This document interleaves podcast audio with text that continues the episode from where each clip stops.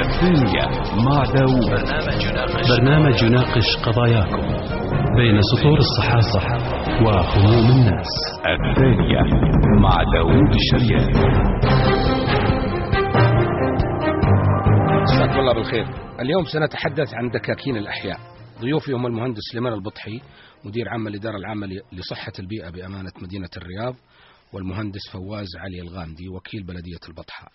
من أراد أن يتواصل معنا على الرسائل ال STC 3844 موبايلي 630 530 وزين 733 733 أو على الهاتف 01 268 4488 01 268 44 88 من لديه اقتراحات لهذا البرنامج على الإيميل dfm@mbc.net dfm@mbc.net حياك الله مهندس سليمان. حياك الله أستاذ داود وحيي زميلي الأخ فواز والأخوة المستمعين والمستمعات. مرحبا يا فواز. الله يحييك. آه، أبغى أبدأ معك يا مهندس فواز لأنك أنت رجال تشتغل على الأرض وقدامك هنا آه، مجموعة من المعاملات من الإيقافات. أولا أوصف لي أنت على الأقل بالمنطقة كنموذج المنطقة اللي أنت تشتغل فيها اللي هي منطقة البطحة نعم. في الرياض صحيح. لأي أحياء البطحة تشمل ماذا الأحياء اللي تتبعها بلدية بطحاء ما يقارب من 21 حي عشوائي مم. كلها مناطق قديمة مم. منها حي المرقب وحي الصالحية وحي الخالدية حي منفوحة من أقدم أحياء الرياض مم. حي اليمامة. هذه الأحياء جميعا أحياء عبارة عن مناطق عشوائية.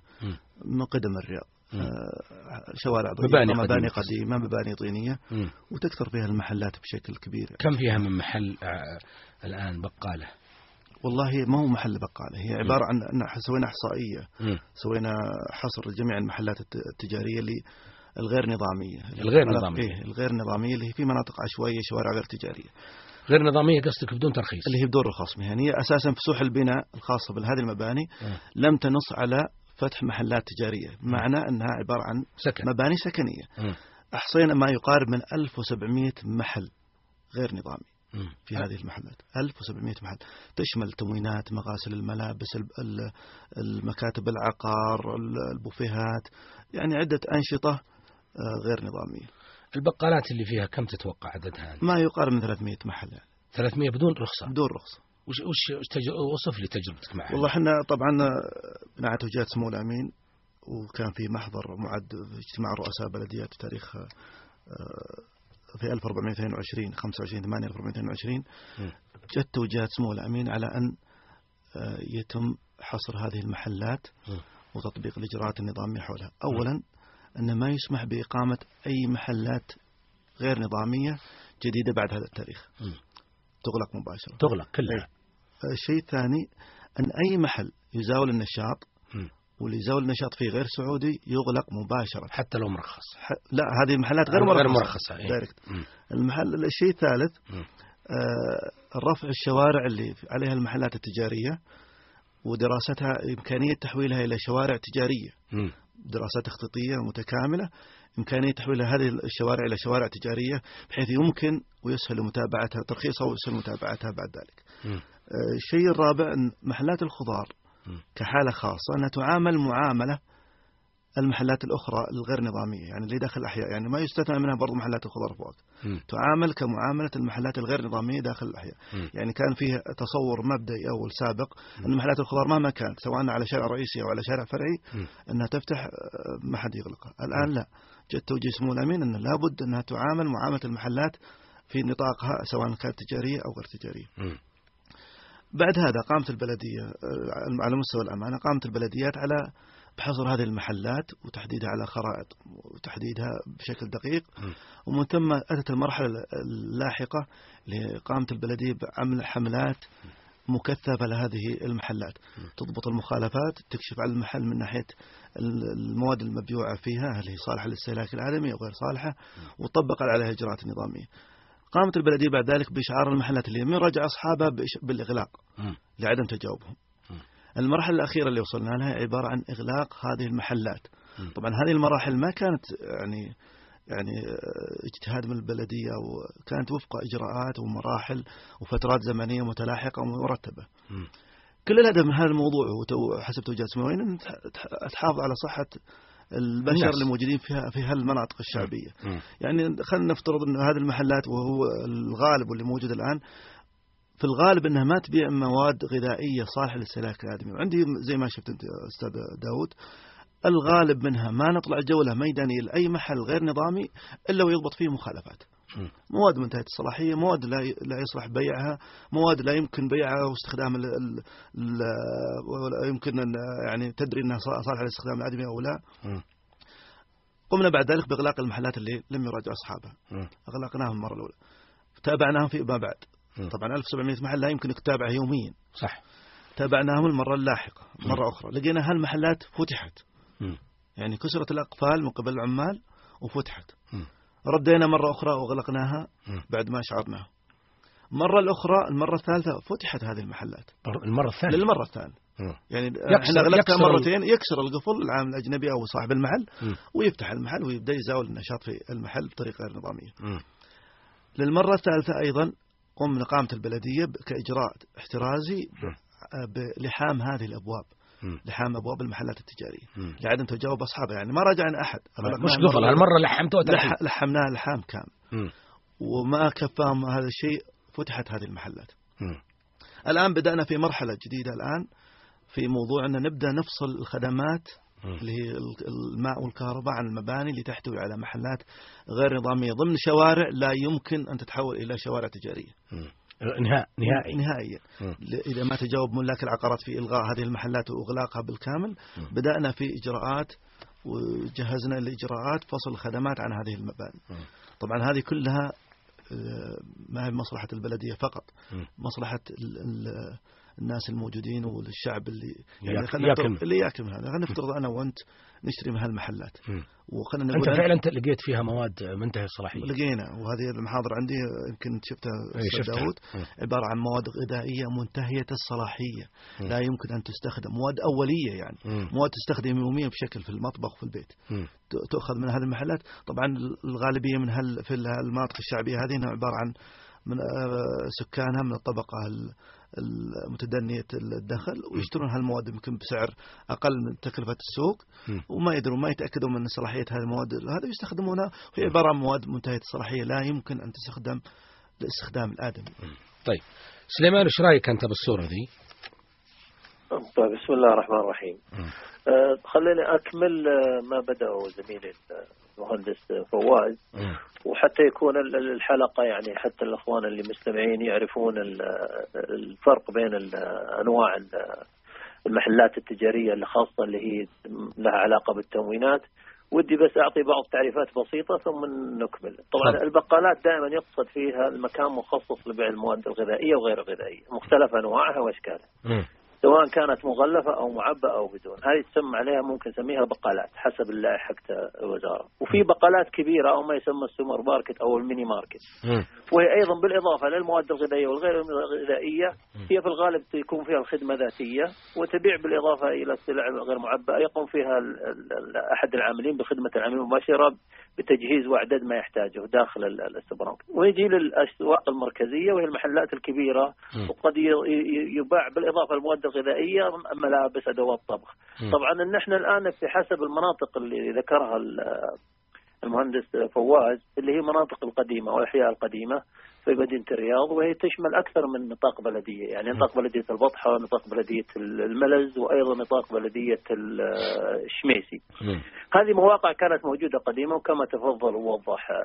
ال- الأمانة تعمل على تصحيح وضعها. حتى أنا اللي أعرفه يمكن ال- المهندس فواز يعرف أيضا أنه بعضها كان سبق أنه أخذ رخص ضمن مباني وهي داخل شوارع يعني ليست رئيسية يعني أقل من الثلاثين.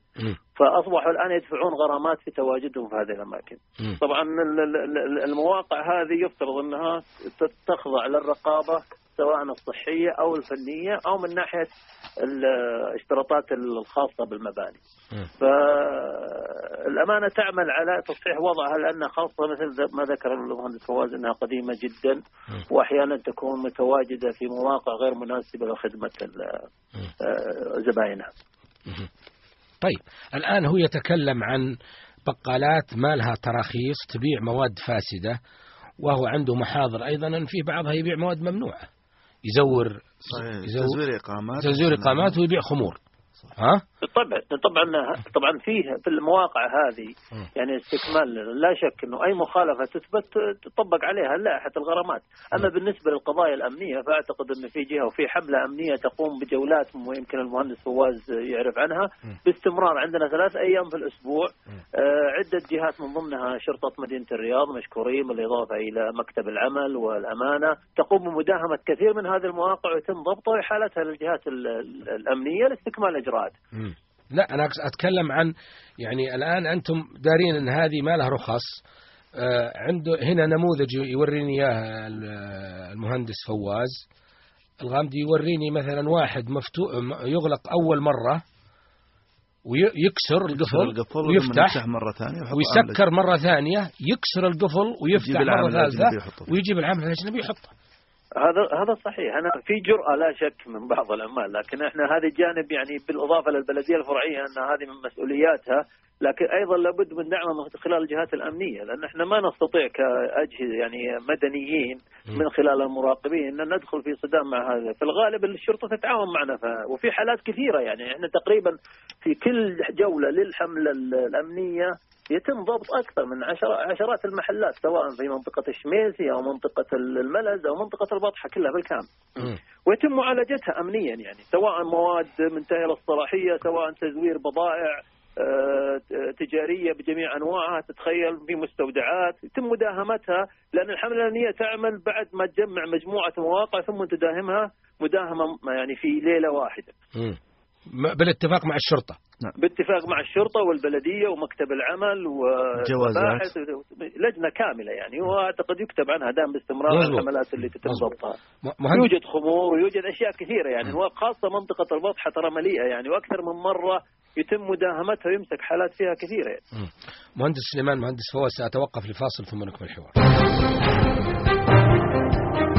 الثانية مع داوود حياكم الله. نتحدث عن دكاكين الأحياء. ضيوفي هم المهندس سليمان البطحي مدير عام الإدارة العامة لصحة البيئة بأمانة مدينة الرياض والمهندس فواز علي الغامدي وكيل بلدية البطحة. من أراد أن يتواصل معنا على الرسائل ال STC 3844 موبايلي 630 530 وزين 733 733 أو على الهاتف 01 268 4488 01 اثنين ستة ثمانية أربعة أربعة ثمانية ثمانية. أعتذر من الناس لأني أنا م- مكربن صوتي شوي. معنا أبو أحمد. تفضل يا أبو أحمد.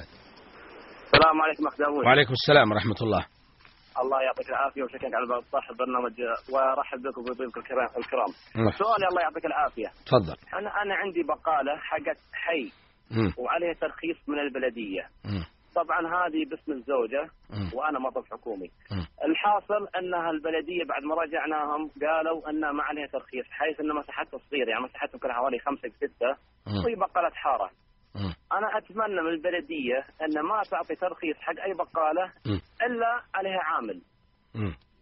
يقول تقلب محلك محل فحم أو محل معسل اعطيه عامل طيب هذه بقالة حارة جبنا عامل سواق قال هذا مهنته سايق ما نقدر نعطيك عليه شهادة صحية.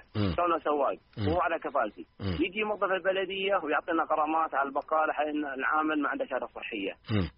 اتمنى من المسؤولين عندكم أن أي شخص طيب. يعطى تصريح داخل حارة انه يعطونه عامل طيب. البقاله طيب شكرا لك معنا سامي تفضل يا سامي اي نعم. مرحبا يا سامي. وطي صوت الراديو لو سمحت.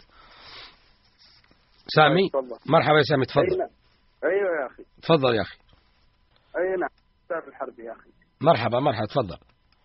أيوه يا أخي أنا إنسان آه، سعودي وقاعد أشتغل في تجميع العيش. إيه. من الشركات. وألقى منافسة كبيرة من الأجانب. تجميع والشركات أك- ها؟ كيف تجميع العيش؟ تجميع العيش تنشيفه آه. و... آه الخبز. وأسويه على الحيواني. أيوة.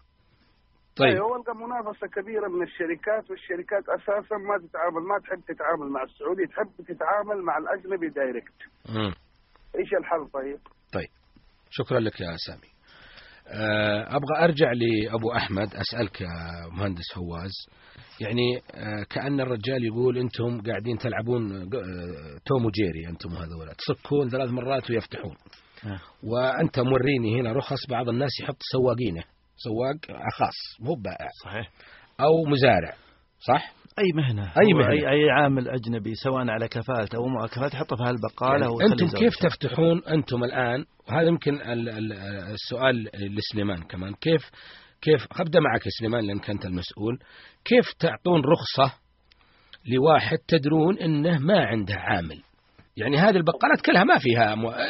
تقولون يا السعودي يفتح بقالة دارين أنتم ما عمره ولا واحد سعودي مسكها معليش الرخصة أصلا تصدر باسم السعودي. وأم قضية أنه نمنح آه، رخصة في داخل حي أنا لا أعتقد هذا الآن مسموح هذه النقطة هذا كان في السابق الآن غير مسموح في نهائي داخل الأحياء لابد أن يكون في شوارع. رئيسية من 30 فما فوق. القديمة وضعها مثل ما ذكرنا قبل قليل. أما قضية العامل ففي الغالب يعني هو حتى ذكر الأخ أبو أحمد قضية شهادة صحية ما نعطي طبعا أنا ما أستطيع أعطي واحد لا يعمل في مجال الأغذية. شهادة صحية فيستخدمها. آه، كنا في السابق نعطي مهلة لمدة سنة ليتم نقل آه، آه، تغيير مهنته ولكن يجدون صعوبة. فأصبحت عندنا أحيانا من يصدر الرخصة هو يحاول أن يستغل يستفيد منها باستخراج عام. النظام يقول من يتقدم لك تعطيه رخصة أما قضية العمالة فهي تناقش من ضمن وزارة التجارة ومكتب العمل. ليس من مهام الأمانة أن تحدد كم عامل يستخدم هذا المكان أو لا يستخدم هذا المطعم أو هذا المحل. فهي هذه قضية يعني محتومة ولا أعتقد أن في رخص. داخل الأحياء نهائي. حتى يعني حتى المؤسسات أنا أعرف في بعض نطاق البلديات تم إفراغ تقريبا يمكن 90% من المحلات مثل حسب نطاق لعل ال- الأخ فواز يتكلم فيما يهم خصوصا بلدية البطحة لكن في بعض البلديات الآن تقريبا شبه 90% أخرجت جميع المؤسسات من داخل الأحياء. صح فالأحياء الآن كلها ويمكن يمكن تجربة الأمانة في في الملز كويسة. يعني عادة الحياة لل- للحي. صحيح. اي أنا أقول هذا الآن هو التوجه العام على مستوى مدينة الرياض، داخل. الأحياء لا يوجد نشاط أي نشاط تجاري، يجب أن يتمتع الحي ب آه، كحي لا يتحول إلى سوق والآن أغلبها خاصة القديمة تحولت من تجمعات للعماله،. نعرف السوق ما يجي من وراء تجمعات العمالة. طيب. الآن الآن فواز هذا هذا ال- هذا عنده رخصة في حي. اي أنا استغربت. أنا كنت بت- اساله سؤال. مم. هو أساسا ما يعطى رخصة محل تجاري داخل حي؟ زي ما قال المهندس سليمان المحلات التجارية آه، تكون دا ضمن الشوارع بس فقط الآن أنت عندك أنت عندك تو تحكي بمنفوحة والصالحية والمرقب ها هذه بدون رخص طبعا بدون- إيه. هذه بدون رخص هذه حصرناها وحددناها ودخلناها في النظام الآن تبي تزاول تقضي. عليها أنت الآن بس ما أنا في طور- قادر شكل الآن في طور القضاء عليها الآن إحنا وش نسوي الآن إحنا أغلقناها. وبعد ما أغلقت فتحت مم. الآن في طور فصل خدمات هذا حل حل نهائي مم. إنك تجبر مالك العقار.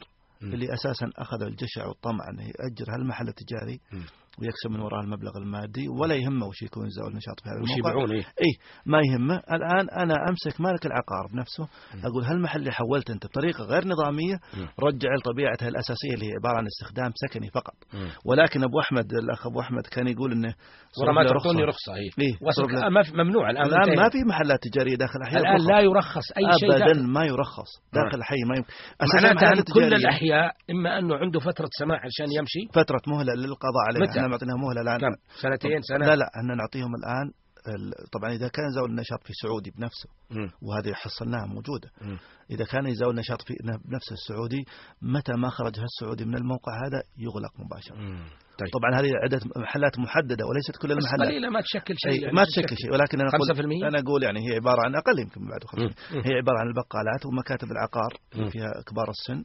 وهي عبارة عن محلات زي ما قلت قديمة بقدم الرياض. ما هي مستحدثة. لكن المحلات اللي استحدثت من من الفترة الأخيرة ما سمحنا لها أساسا من وزارة النشاط أغلقناها مباشرة. طيب خالد تفضل يا خالد. مساكم الله بالخير جميعا. أهلا وسهلا فيك. أستاذ داود أرحب فيك وأرحب جميع الضيوف تفضل. أنا ما راح أطول عليكم بس عندي ملاحظة بسيطة تفضل إذا كان الأمانة مشكورة في جميع من- مناطق المملكة يعني. حط الضوابط و- للعمالة مم. لكن ليش ما أوقفت عملية التوصيل على الدبابات الصغار اللي هي من فئة ال- الدباب ال- الياباني اللي قيمته 1000 ريال. هذا فيه خطورة شوية على العوائل يعني أنا ساكن في حي في القصيم مم. يعني لاحظ إنه في خطورة يعني مم. أسمع بالمجالس حديث ويعني يعني هل لفتت الأمانة لهالموضوع هذا؟ هل منعت يعني وضع الضوابط على هالشيء؟ طيب بس هذا اللي أنا أقدر أقوله شكرا لك سليمان تجاوبه في بالنسبة لعملية التوصيل الدبابات طبعا الدبابات اللي يسمونها البطة هذه ممنوعة المرور يمنعها وحتى يستلم منا بعض ما يجينا بلاغات من بعض ال- المواطنين في الأحياء. من مضايقهم مثلا على طول نصادرها ونسلمها المرور بمحضر رسمي. لأنها ممنوعة وفي شروط. وسبق أن إحنا يمكن في أحد الحلقات ناقشنا موضوع يعني مشكلة توصيل الطلبات ليست مشكلة الأمانة لوحدها.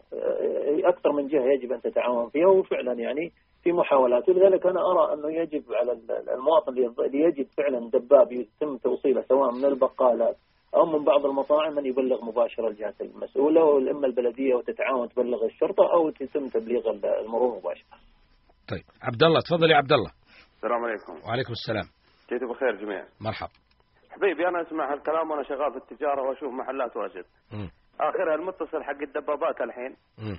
المحلات اللي بجنبي مطاعم وبقالات ومحل نظارات صار يودي عدسات. أه ما أدري يعني أوامرهم كذا كلام أوامر ولا في شيء؟ ويودي يودون يودي على نوع نوع من الدراجات النارية قصدك غير غير نظامي؟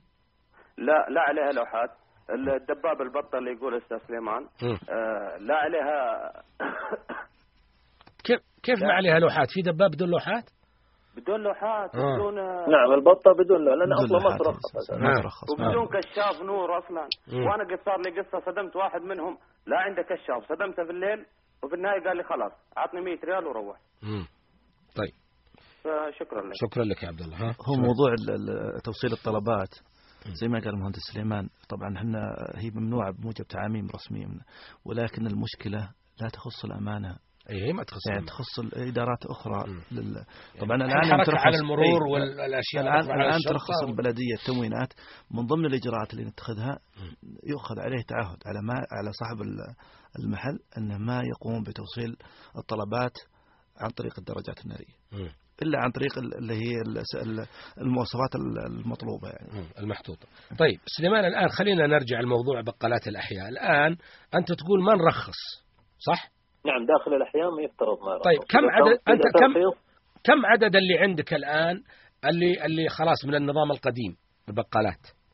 والله من النظام القديم ما أنا ما هي بتحضر لي الآن إحصائية أنا عندي في الرياض فوق ما يقارب ال 7000 تموينة. إذا وما يخ... ما يقارب ال 500 سوق مركزي لكن نسبة بسيطة يعني. إذا مثل كان ذكر- إذا كان البلدية حق إذا فواز يتكلم عن بلدية البطحة يتكلم على 1700 كم؟ 14 بلدية؟ فيه بس الأخ فواز يقول أنه بقى منها 300 لا. عالجها لا. إحنا عندنا عالجناها. إحنا الآن اللي عالج 300 بس اللي مو بدون رخصة ترى 1007 اللي اللي ضبط اللي سوينا لها الإحصائية وسوينا لها حصر عبارة عن 1700 محل. ولكن اللي أغلق منها بشكل كبير اغلقت بإغلاق. نهائي بحكم المواد بحكم إنها الأنشطة ما يمكن تت... ما يمكن يزاول فيها العمل السعودي مثل مغسله الملابس التموينات مم. آه آسف مغ- مغاسل الملابس مم. مثل البوفيهات مثل الوجبات السريعة يعني ال- المحلات اللي لا يمكن يزاول فيها نشاط سعودي أغلقناها نهائيا مم. وشكلت آه، نسبة كبيرة منها الآن إحنا نتعامل مع حدود من 300 محل يعني 300 من هو- 1007 ها سؤال يعني هو أنا أعتقد آه، أخ داود بس عشان اوضح الأخ فواز يتكلم عن ال- ال- المحلات المخالفة سواء بقالات أو غير بقالات نعم هذا هو يعني الصحيح نطاق بلدية البطحة ب 21 حي شعبي، جميع ما يقارب أحياء 1000 شعبية. بقالة. مم. يمكن فيها تقريبا المخالف منها كبقالات لا يتجاوز ال 200 إلى 250 بقالة والإخوان يعني صراحة مجتهدين جدا ويتابعون أول بأول، أنا لا أتكلم عن فقط نطاق بلدية البطحة لكن إحنا في مانه منطقة الرياض نعمل على تصحيح هذا الوضع بشكل كامل، سواء الآن أنا أنا لا أعتقد الان يوجد بنشر مثلا داخل الأحياء كما كان في السابق، كلها الآن أخرجت،. آه، في أيضا المؤسسات أخرجت. والآن هي شغالين على قضية البقالات. يعني الآن البقالات أعتقد يعني مع الوقت أصحابها سيستسلمون ما لم يكن سعودي والسعودي له معاملة خاصة. طيب. مهندس سليمان مهندس فواز سأتوقف لفاصل آخر ثم نكمل الحوار الثانية مع داوود. حياكم الله. نتحدث عن دكاكين الأحياء وضيوفي هم المهندس سليمان البطحي مدير عام الإدارة العامة لصحة البيئة بأمانة مدينة الرياض والمهندس فواز علي الغامدي وكيل بلدية البطحة. من أراد أن يتواصل معنا على الرسائل ال STC 3844 موبايلي 630 530 وزين 733 733 أو على الهاتف 01 268 4488 01 268 44 88 آه، مهندس سليمان مثلا الآن من الملاحظ أنه معظم آه، يعني في عدد كبير من البقالات اللي في الأحياء أو نسبة كبيرة من البقالات بأسماء سيدات. وأنت تعرف أنه زي ما يقول تو, تو فواز يقول أنه إحنا ال- المهن التي لا يعمل فيها سعودي أصلا نعرف أنها هذه لازم خلاص تمشي لأن ما في لازم مجال. تغلق. لازم تغلق. من الأساس كيف يرخص لامرأة وهي لا تعمل بائعة في البقالة النظام ما يس... ما يمنع إنه يكون. كثير ترى على كذا بنقفل أكثر من 50% من المحلات التجارية في مدينة الرياض. لا لا لا, لا أفهم لا تفهمني غلط. في أشياء لا تستطيع المرأة أن تباشرها بنفسها اللي هي البقالة. صحيح، بس معناته هذه باب للتستر ها؟ لا بس قد يكون باب للتستر هذا موضوع آخر بس أنا ما هو بدوري في الأمانة إني أحدد هل هو متستر ولا غير متستر، أنا دوري إنه إذا تقدمت امرأة تبغى تصدر رخ- رخصة لبقالة ب- باسمها ما في عندي في النظام يقول لا امنعها وقل لا والله هذا باب للتستر.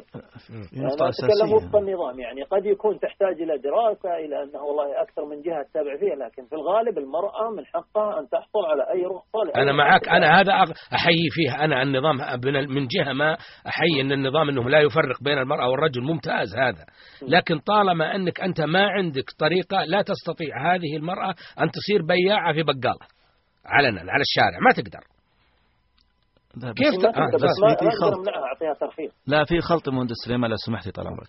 الآن إحنا نتكلم عن المحلات اللي داخل أحياء ما لها رخص أساسا المحلات اللي داخل احياء آه، ما لها رخص مكتوب عليها صاحبتها أي ممكن فلان. تكتب بهذه ممكن تكتب إنها صاحبتها فلانة بنت فلان إيه. ولكن ممكن يزول فيها نشاط زوجها ممكن يزول نشاط فيها ابنها ممكن يزول فيها نشاط أخوها ما نقدر نمنعها إن نقول والله عنا لأن ما نعطيها رخصة أساسا مم. هي في النهاية بدون رخص فأنا ما رخصها مم. للمحل هذا أساسا غير نظامي مم. فإذا أنا سمحت له بمزاولة النشاط عقد الايجار كان باسم امرأة ممكن تجيب عامل سعودي في المحل ما يمنع هذا النشاط لكن لو لقيت. عامل أجنبي في ذا الموقع أنا بغلق لا مو صح طيب الآن هو الآن كثير منها آه. لو سمحت بس تفضل.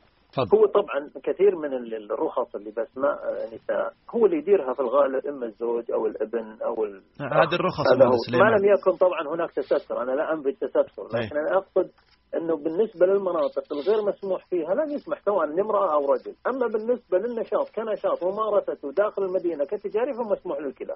الرجل والمراه. طيب. معنا معنا الكاتب في جريدة الجزيرة الأستاذ إبراهيم الماجد. مرحبا يا إبراهيم. أهلا أستاذ محمد. حياك الله. كيف كيف الحال؟ حياك. الله يحييك ويبارك إحنا نتكلم عن البقالات اللي في الأحياء. جميل. فأنت إيش رأيك بالظاهرة هذه؟ آه، اولا أحييك وحيي ضيفيك الكريمين. آه، ظاهرة البقالات أو السوبر ماركت الصغيرة في الأحياء. آه، أنا أعتقد إنها آه، شيء يعني مطلوب وليس ممنوع. مم. بالعكس نحن من من ينادي بإيجاد مثل هذه ال- المحلات الصغيرة وسبقا كتبت حول هذا الموضوع بأن يوجد في الحي مربع فيه كثير من الخدمات التي تحتاجها الأسرة مثل بقالة صغيرة مثل مغسلة ملابس مثل حلاق تكون متواجدة في داخل الحي. وليس على الشارع العام الرئيسي. لأن تعرف كثير من الأسر تحتاج الآن إلى أنها تحصل على بعض حاجياتها يعني مشي على الأقدام وليس بالضرورة عن الانتقال بالسيارة.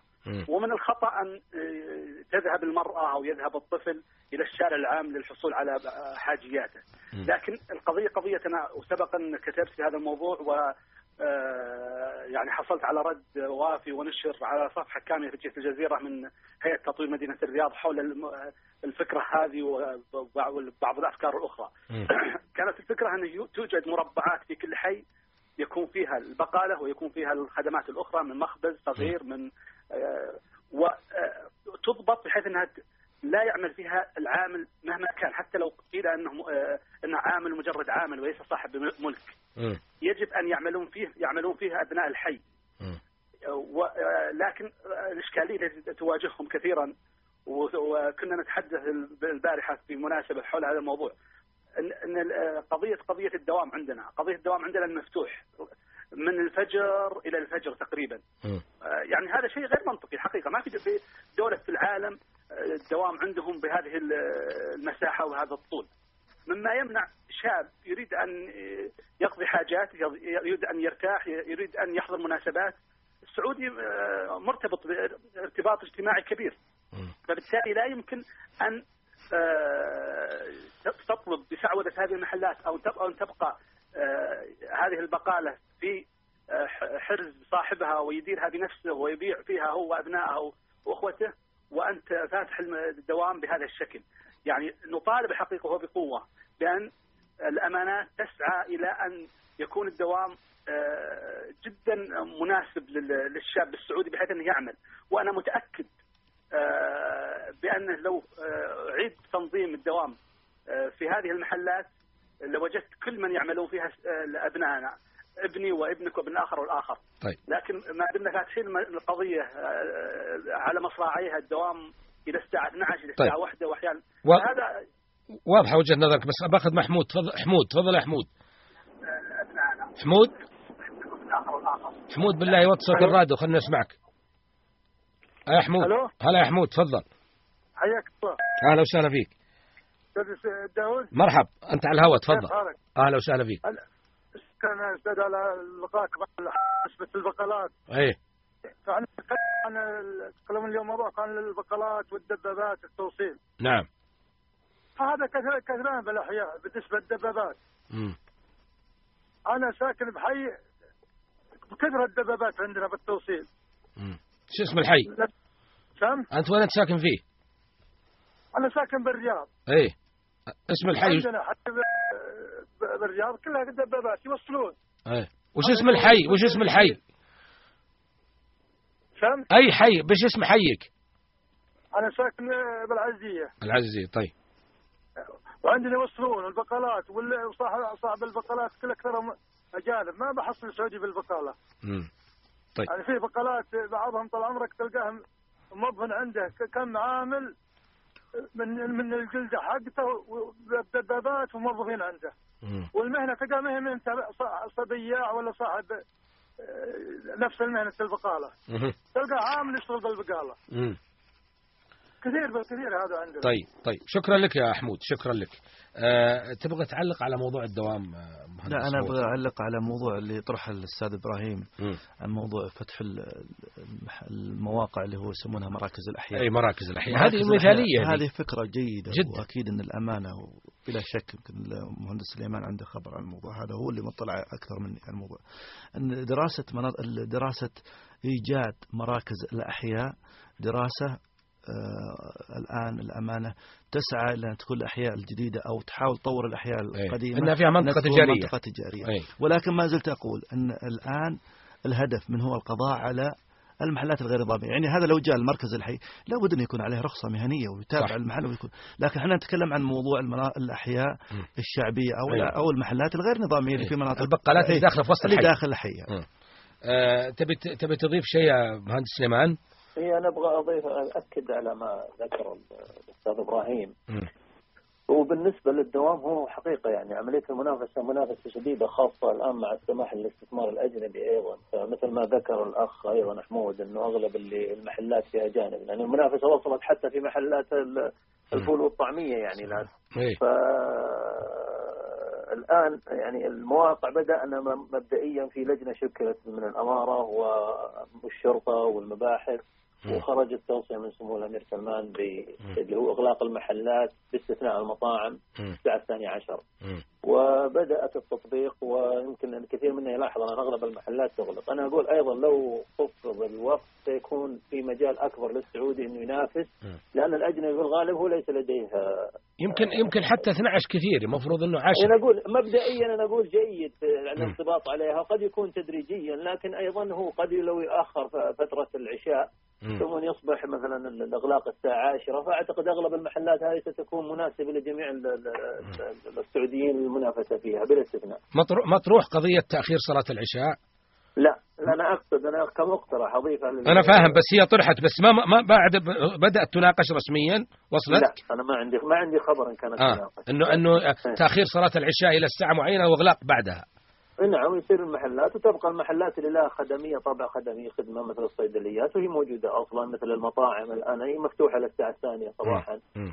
يعني أنا أقصد هي قد تساعد في هذه الناحية. وبالنسبة لل- للمواقع أنا أعتقد من الأمانة حريصه دائما على تطوير كثير من المخطط ولعلنا نشاهد الآن كثير من المخططات الجديدة بالنسبة لتنظيم الشوارع بالنسبة للسماح للبقالات. الآن من توجيهات سمو مدينة الرياض تم شو اسمه اخراج أغلب كثير من مخططات المساجد على الشوارع الرئيسية أصبحت بارجه الآن.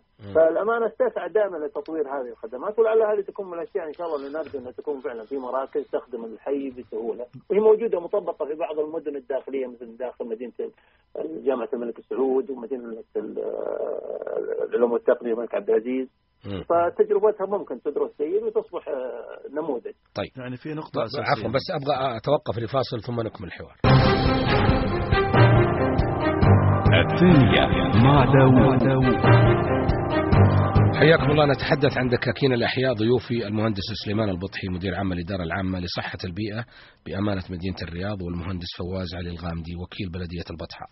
من أراد أن يتواصل معنا على الرسائل ال STC 3844 موبايلي 630 530 وزين 733 733 أو على الهاتف 01 268 44 88 01 268 44 88 أه مهندس فواز أنت كنت بتحكي عن المناطق التجارية الآن الآن اللي ما ذكر. وذكر المهندس سليمان. سمو الأمين وجه بالاستفادة من المناطق ال- الواقعة في وسط الأحياء ولذلك أنشأت عدة حدائق ما يقارب من 100 حديقة الآن.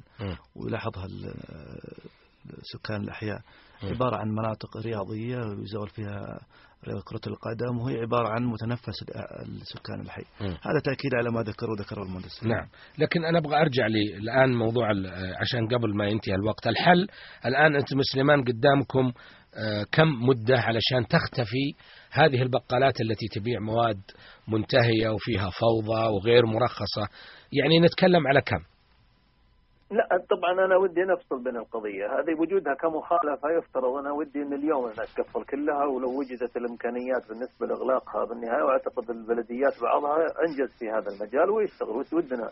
أما قضية المخالفات فالمخالفات يفترض أن ما في تهاون فيها. آه، سواء إذا كان بقالة وتبيع للناس فيفترض انه تحت الرقابة. ولذلك أنا أبغى من أي أحد حقيقة يواجه هذه المشكلة أن يبلغنا. يعني إحنا كأجهزة حقيقة جا- جادة جدا لتصحيح الأوضاع. لكن أحيانا يصير هناك قصور. فنحتاج إلى دعم وتعاون المواطنين بالإبلاغ عن المخالفة. سواء عن طريق 940 أو عن موقع الإنترنت أو عن اتصال مباشرة. ومع الصبر علينا لأنه حقيقه الأجهزة تعمل وحجم العمل كبير على الطاقة. صح. أحمد تفضل يا داود. مرحبا. مرحبا كيف الحال؟ الله حبيت أشكركم على البرنامج وعندي مدا- مداخلة بسيطة بس تفضل أنا قبل فترة أه جاني عامل لا أعرفه. فقال لي أبغى اجر محل في الصناعية. اللي في مخرج 18 مم. أه قلت له إيش تبغى فيها؟ قال بفتح بقالة. طيب الرخصة من الرخصة قال لا أنا عارف البلدية عارف المراقب وكل شيء موضوعه منتهي. على كفالتك هو لا مو على كفالتي بس يبغاني أستاجر قلت لا. طبعا مم. آه، وفيه بنفس الصناعيه تقريبا 20 بقالة بنفس الصناعيه مم. بنفس حلها هذه بنفس الطريقة قصدك كيف؟ يعني إنها بنفس نفس- الطريقة نفس الطريقة- نفس غير. نظامية غير نظامية كلها مم. ترد يا سليمان أرد تفضل آه، طبعا أنا أشكر الأخ على الاتصال وأنا ودي بس أوضح نقطة. أنا بالنسبة لي كمسؤول من الصعب أن أعرف آه، نشاط جميع المراقبين اللي عندي وهو كما ذكر يقول هو العامل يقول أنه يعرف البلدية ويعرف كل شيء. طبعا قد يكون هناك تواطؤ من. أحد الموظفين في أحد البلديات لكن أنا كمسؤول أحتاج أن أعرف. لذلك أنا أحث الأخ أو غيره. مم. أبوابنا مفتوحة، إذا أنت تخشى في جهات أمنية أخرى ممكن أن تبلغها، أنا أقول سكوتنا على مثل هذا هو اطال الجميع. ولا اعتقد لا أنا ولا سمو أمين مدينة الرياض ولا جميع المسؤولين يرضون بهذا الشيء انه يصير في نوع من التواطؤ في هذه القضايا. ولذلك أنا أحث على عملية التبليغ التبليغ التبليغ. وإحنا حقيقة في حالات اللي زي أنا أقول هي ليست ظاهرة ولله الحمد للامانه. ولكن لا يعني إنه غير موجود موجود ولكن بالتعاون نستطيع أن نوقف نحد من هذه. هذه مسؤوليتنا جميعا وهذه بلدنا جميعا آه، أنا اللي أقصده برضه بدي أكد على كلام المهندس سليمان الأخ أحمد آه، يعني هذا العامل الأجنبي اللي بيستاجر محل غير نظامي. وش بيهدف منه وش بيبيع. أكيد بيبيع المواد اللي إحنا ضبطناها هذه المواد ال- الغير صالحة للاستخدام هذه. أنا أقول يعني خليه يستشعر الدور الوطني مم. أحمد بواب بو- أبواب جميع المسؤولين مفتوحه يعني لا ي... لا- عندنا 940 يبلغ كل البلاغات توصل لرؤساء بلديات مم. يتأكد تمام الثقة ان ما يباع في هالبقالة يوم من الأيام بيمر عليه. سواء إنه صالح أو غير صالح. والغالب إنه غير صالح.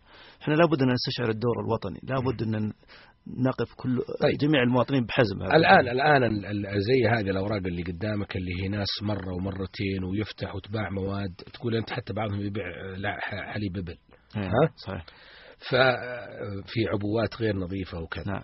الآن المواد الغذائية ذي اللي تجيهم أليست مواد يفترض إنها مصادرة؟ هو كيف وصلت البقالات هذه؟ هو الآن ما مو كل المواد المنتهية الصلاحيه إنها تصادر أو تتلف. مم. ضعاف النفوس لما تقرب البضاعة تنتهي صلاحيتها يبيعونها على أبناء جلدتهم من المستثمرين العمال هذول لأنه بدل ما يتلفها ويخسر قيمتها على الأقل يست- يستعيض منها جزء من المبلغ.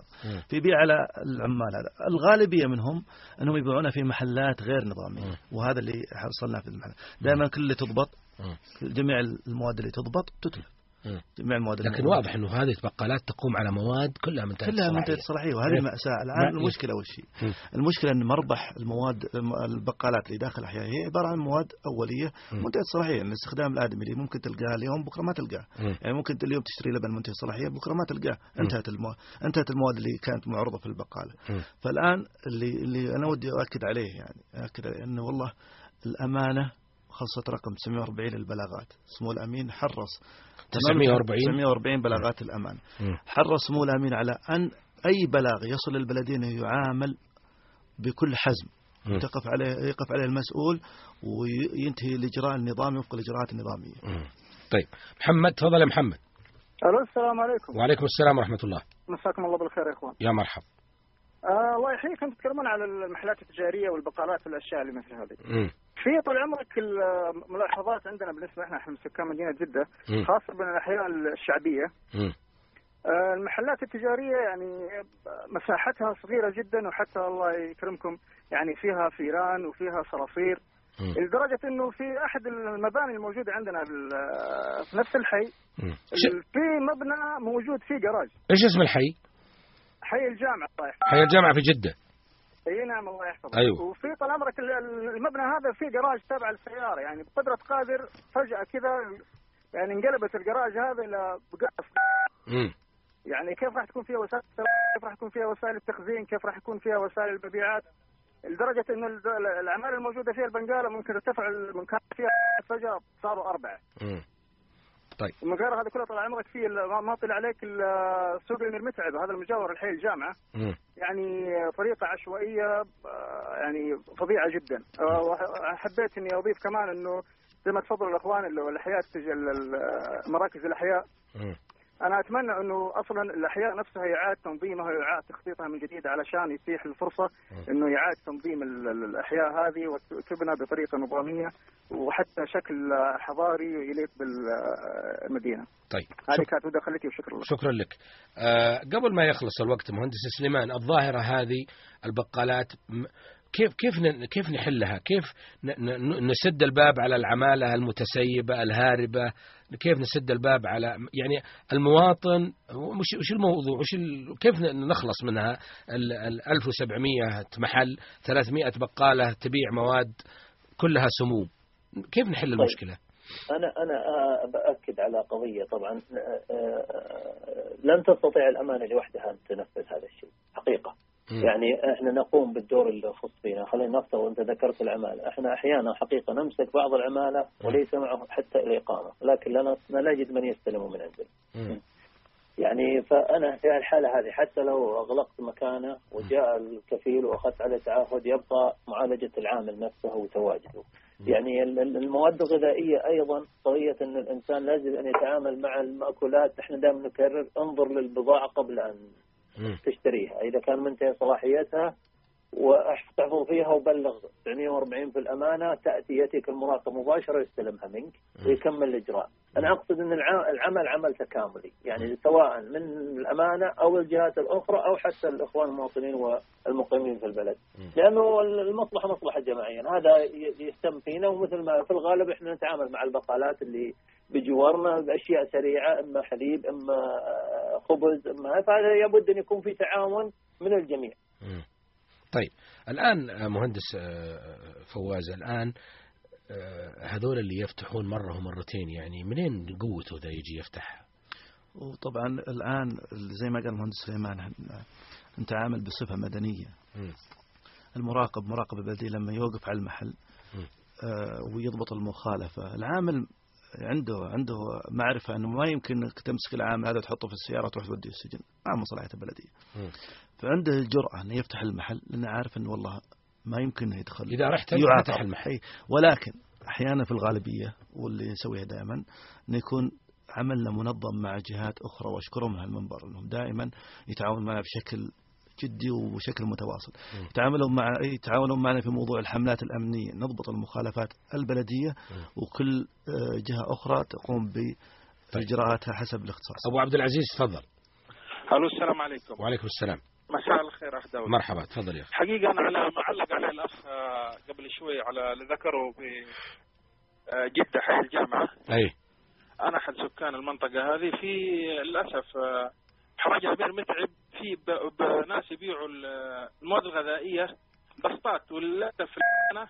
تمر من عندهم ولكن لا احد يطالع فيهم ولا احد أي فأنا أتمنى من الإخوان بس ينظروا الموضوع هذا. وكمان في كمان سوق الصواريخ. شوف عند الدوار جالسين يبيعوا الرز. يمكن صلاحيته منتهية من 2006 و2000 وللأسف لا أمانة ولا ولا ولا. طيب. فحب أنك تعلق على الموضوع هذا. شكرا لك يا أبو عبد العزيز. عبد المجيد تفضل يا عبد المجيد. السلام عليكم. وعليكم السلام.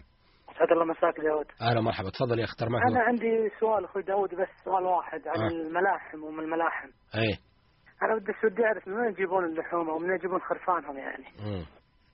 هذا سؤالي حبيت إني أطرح عليكم. منين يجيبون اللحوم يا فواز؟ والله طبعا اللحوم آه، دائما تكون ما يعرض في الملاحم والمهندس سليمان يمكن أعرف من يا يعرض- سليمان يعرض اللي يجي؟ إلا شيء مختوم على اللحوم البلدية. طبعا أنا خلينا نعتبرها نوجه نصيحة من خلالها. يفترض انه أي لحم ذبح في مخ... آه، مسلخ الأمانة. البلديات في جميع مناطق المملكة عليه ختم. ختم. أي فيفترض أنه أي شخص يشتري لحم يتأكد دائما من أنه هذا بالنسبة للفائدة. أما للمبرد فهناك ختم أيضا آخر عندما يدخل يكشف عليه بيطريا فيتأكد. غير كذا. آه، وكذلك أنا أفضل دائما وأركز على قضية اللحم المفروم من الأفضل أن ترى أمامك يفرم لأنه دائما يخلط فيه وخاصة في حالات غش. فأنا أقول بالنسبة للحوم يفترض أي ذبيحة تذبح في مسالخ الأمانة، غير تذبح خارج مسالخ الأمانة معناها لا يوجد عليها ختم وهذه تعتبر إما مريضة أو فيها أو مهربة أو أي شيء، أما غير كذا فيجب أن يكون اللحم مختوم بختم الأمانة. والختم يكون واضح أساسا للعين مع اللي طبعا الختم يكون واضح وخاصة في الملاحم في الملاحم ما يكون- عليه الختم تشك ويفترض إنك ما حد. يجي يشتري من ملحم إلا متأكد على جميل. اليوم تحدثنا عن دكاكين الأحياء اللي تنت- منتشرة بشكل كبير من الواضح أنه دكاكين الأحياء مثل العمالة السائبة يعني يبغى لها يبغى لها التفاتة شوي عشان ما بس كلها بس داخل الأحياء القديمة. القديمة إثبات وهي يعني. على جانب ماسكين البقالات ذي ما ندري كيف ودنا يعني بنرجع الموضوع. تقدر تدخل يا اخ داود فيها أنا عارف أنا أنا ما ألوم الأمانة. أنا ألوم اللي اللي اللي فل اللي يخلينا البقالات ذي فلتانة بالطريقة ذي. ما أدري هو استثمار أجنبي ما أدري هو تستر ما أدري وش تحدثنا اليوم عن دكاكين الاحياء ضيوفي كان المهندس سليمان البطحي مدير عام الاداره العامه لصحة البيئة بأمانة مدينة الرياض والمهندس فواز بن علي الغامدي وكيل بلدية البطحاء. ألتقيكم بإذن الله غدا. تمسوا على خير. الثانية الثانية مع داوود برنامج يناقش قضاياكم بين سطور الصحافة وهموم الناس. الثانية مع داوود الشريف. بإمكانكم إعادة الاستماع لهذه الحلقة على موقعنا أمريسي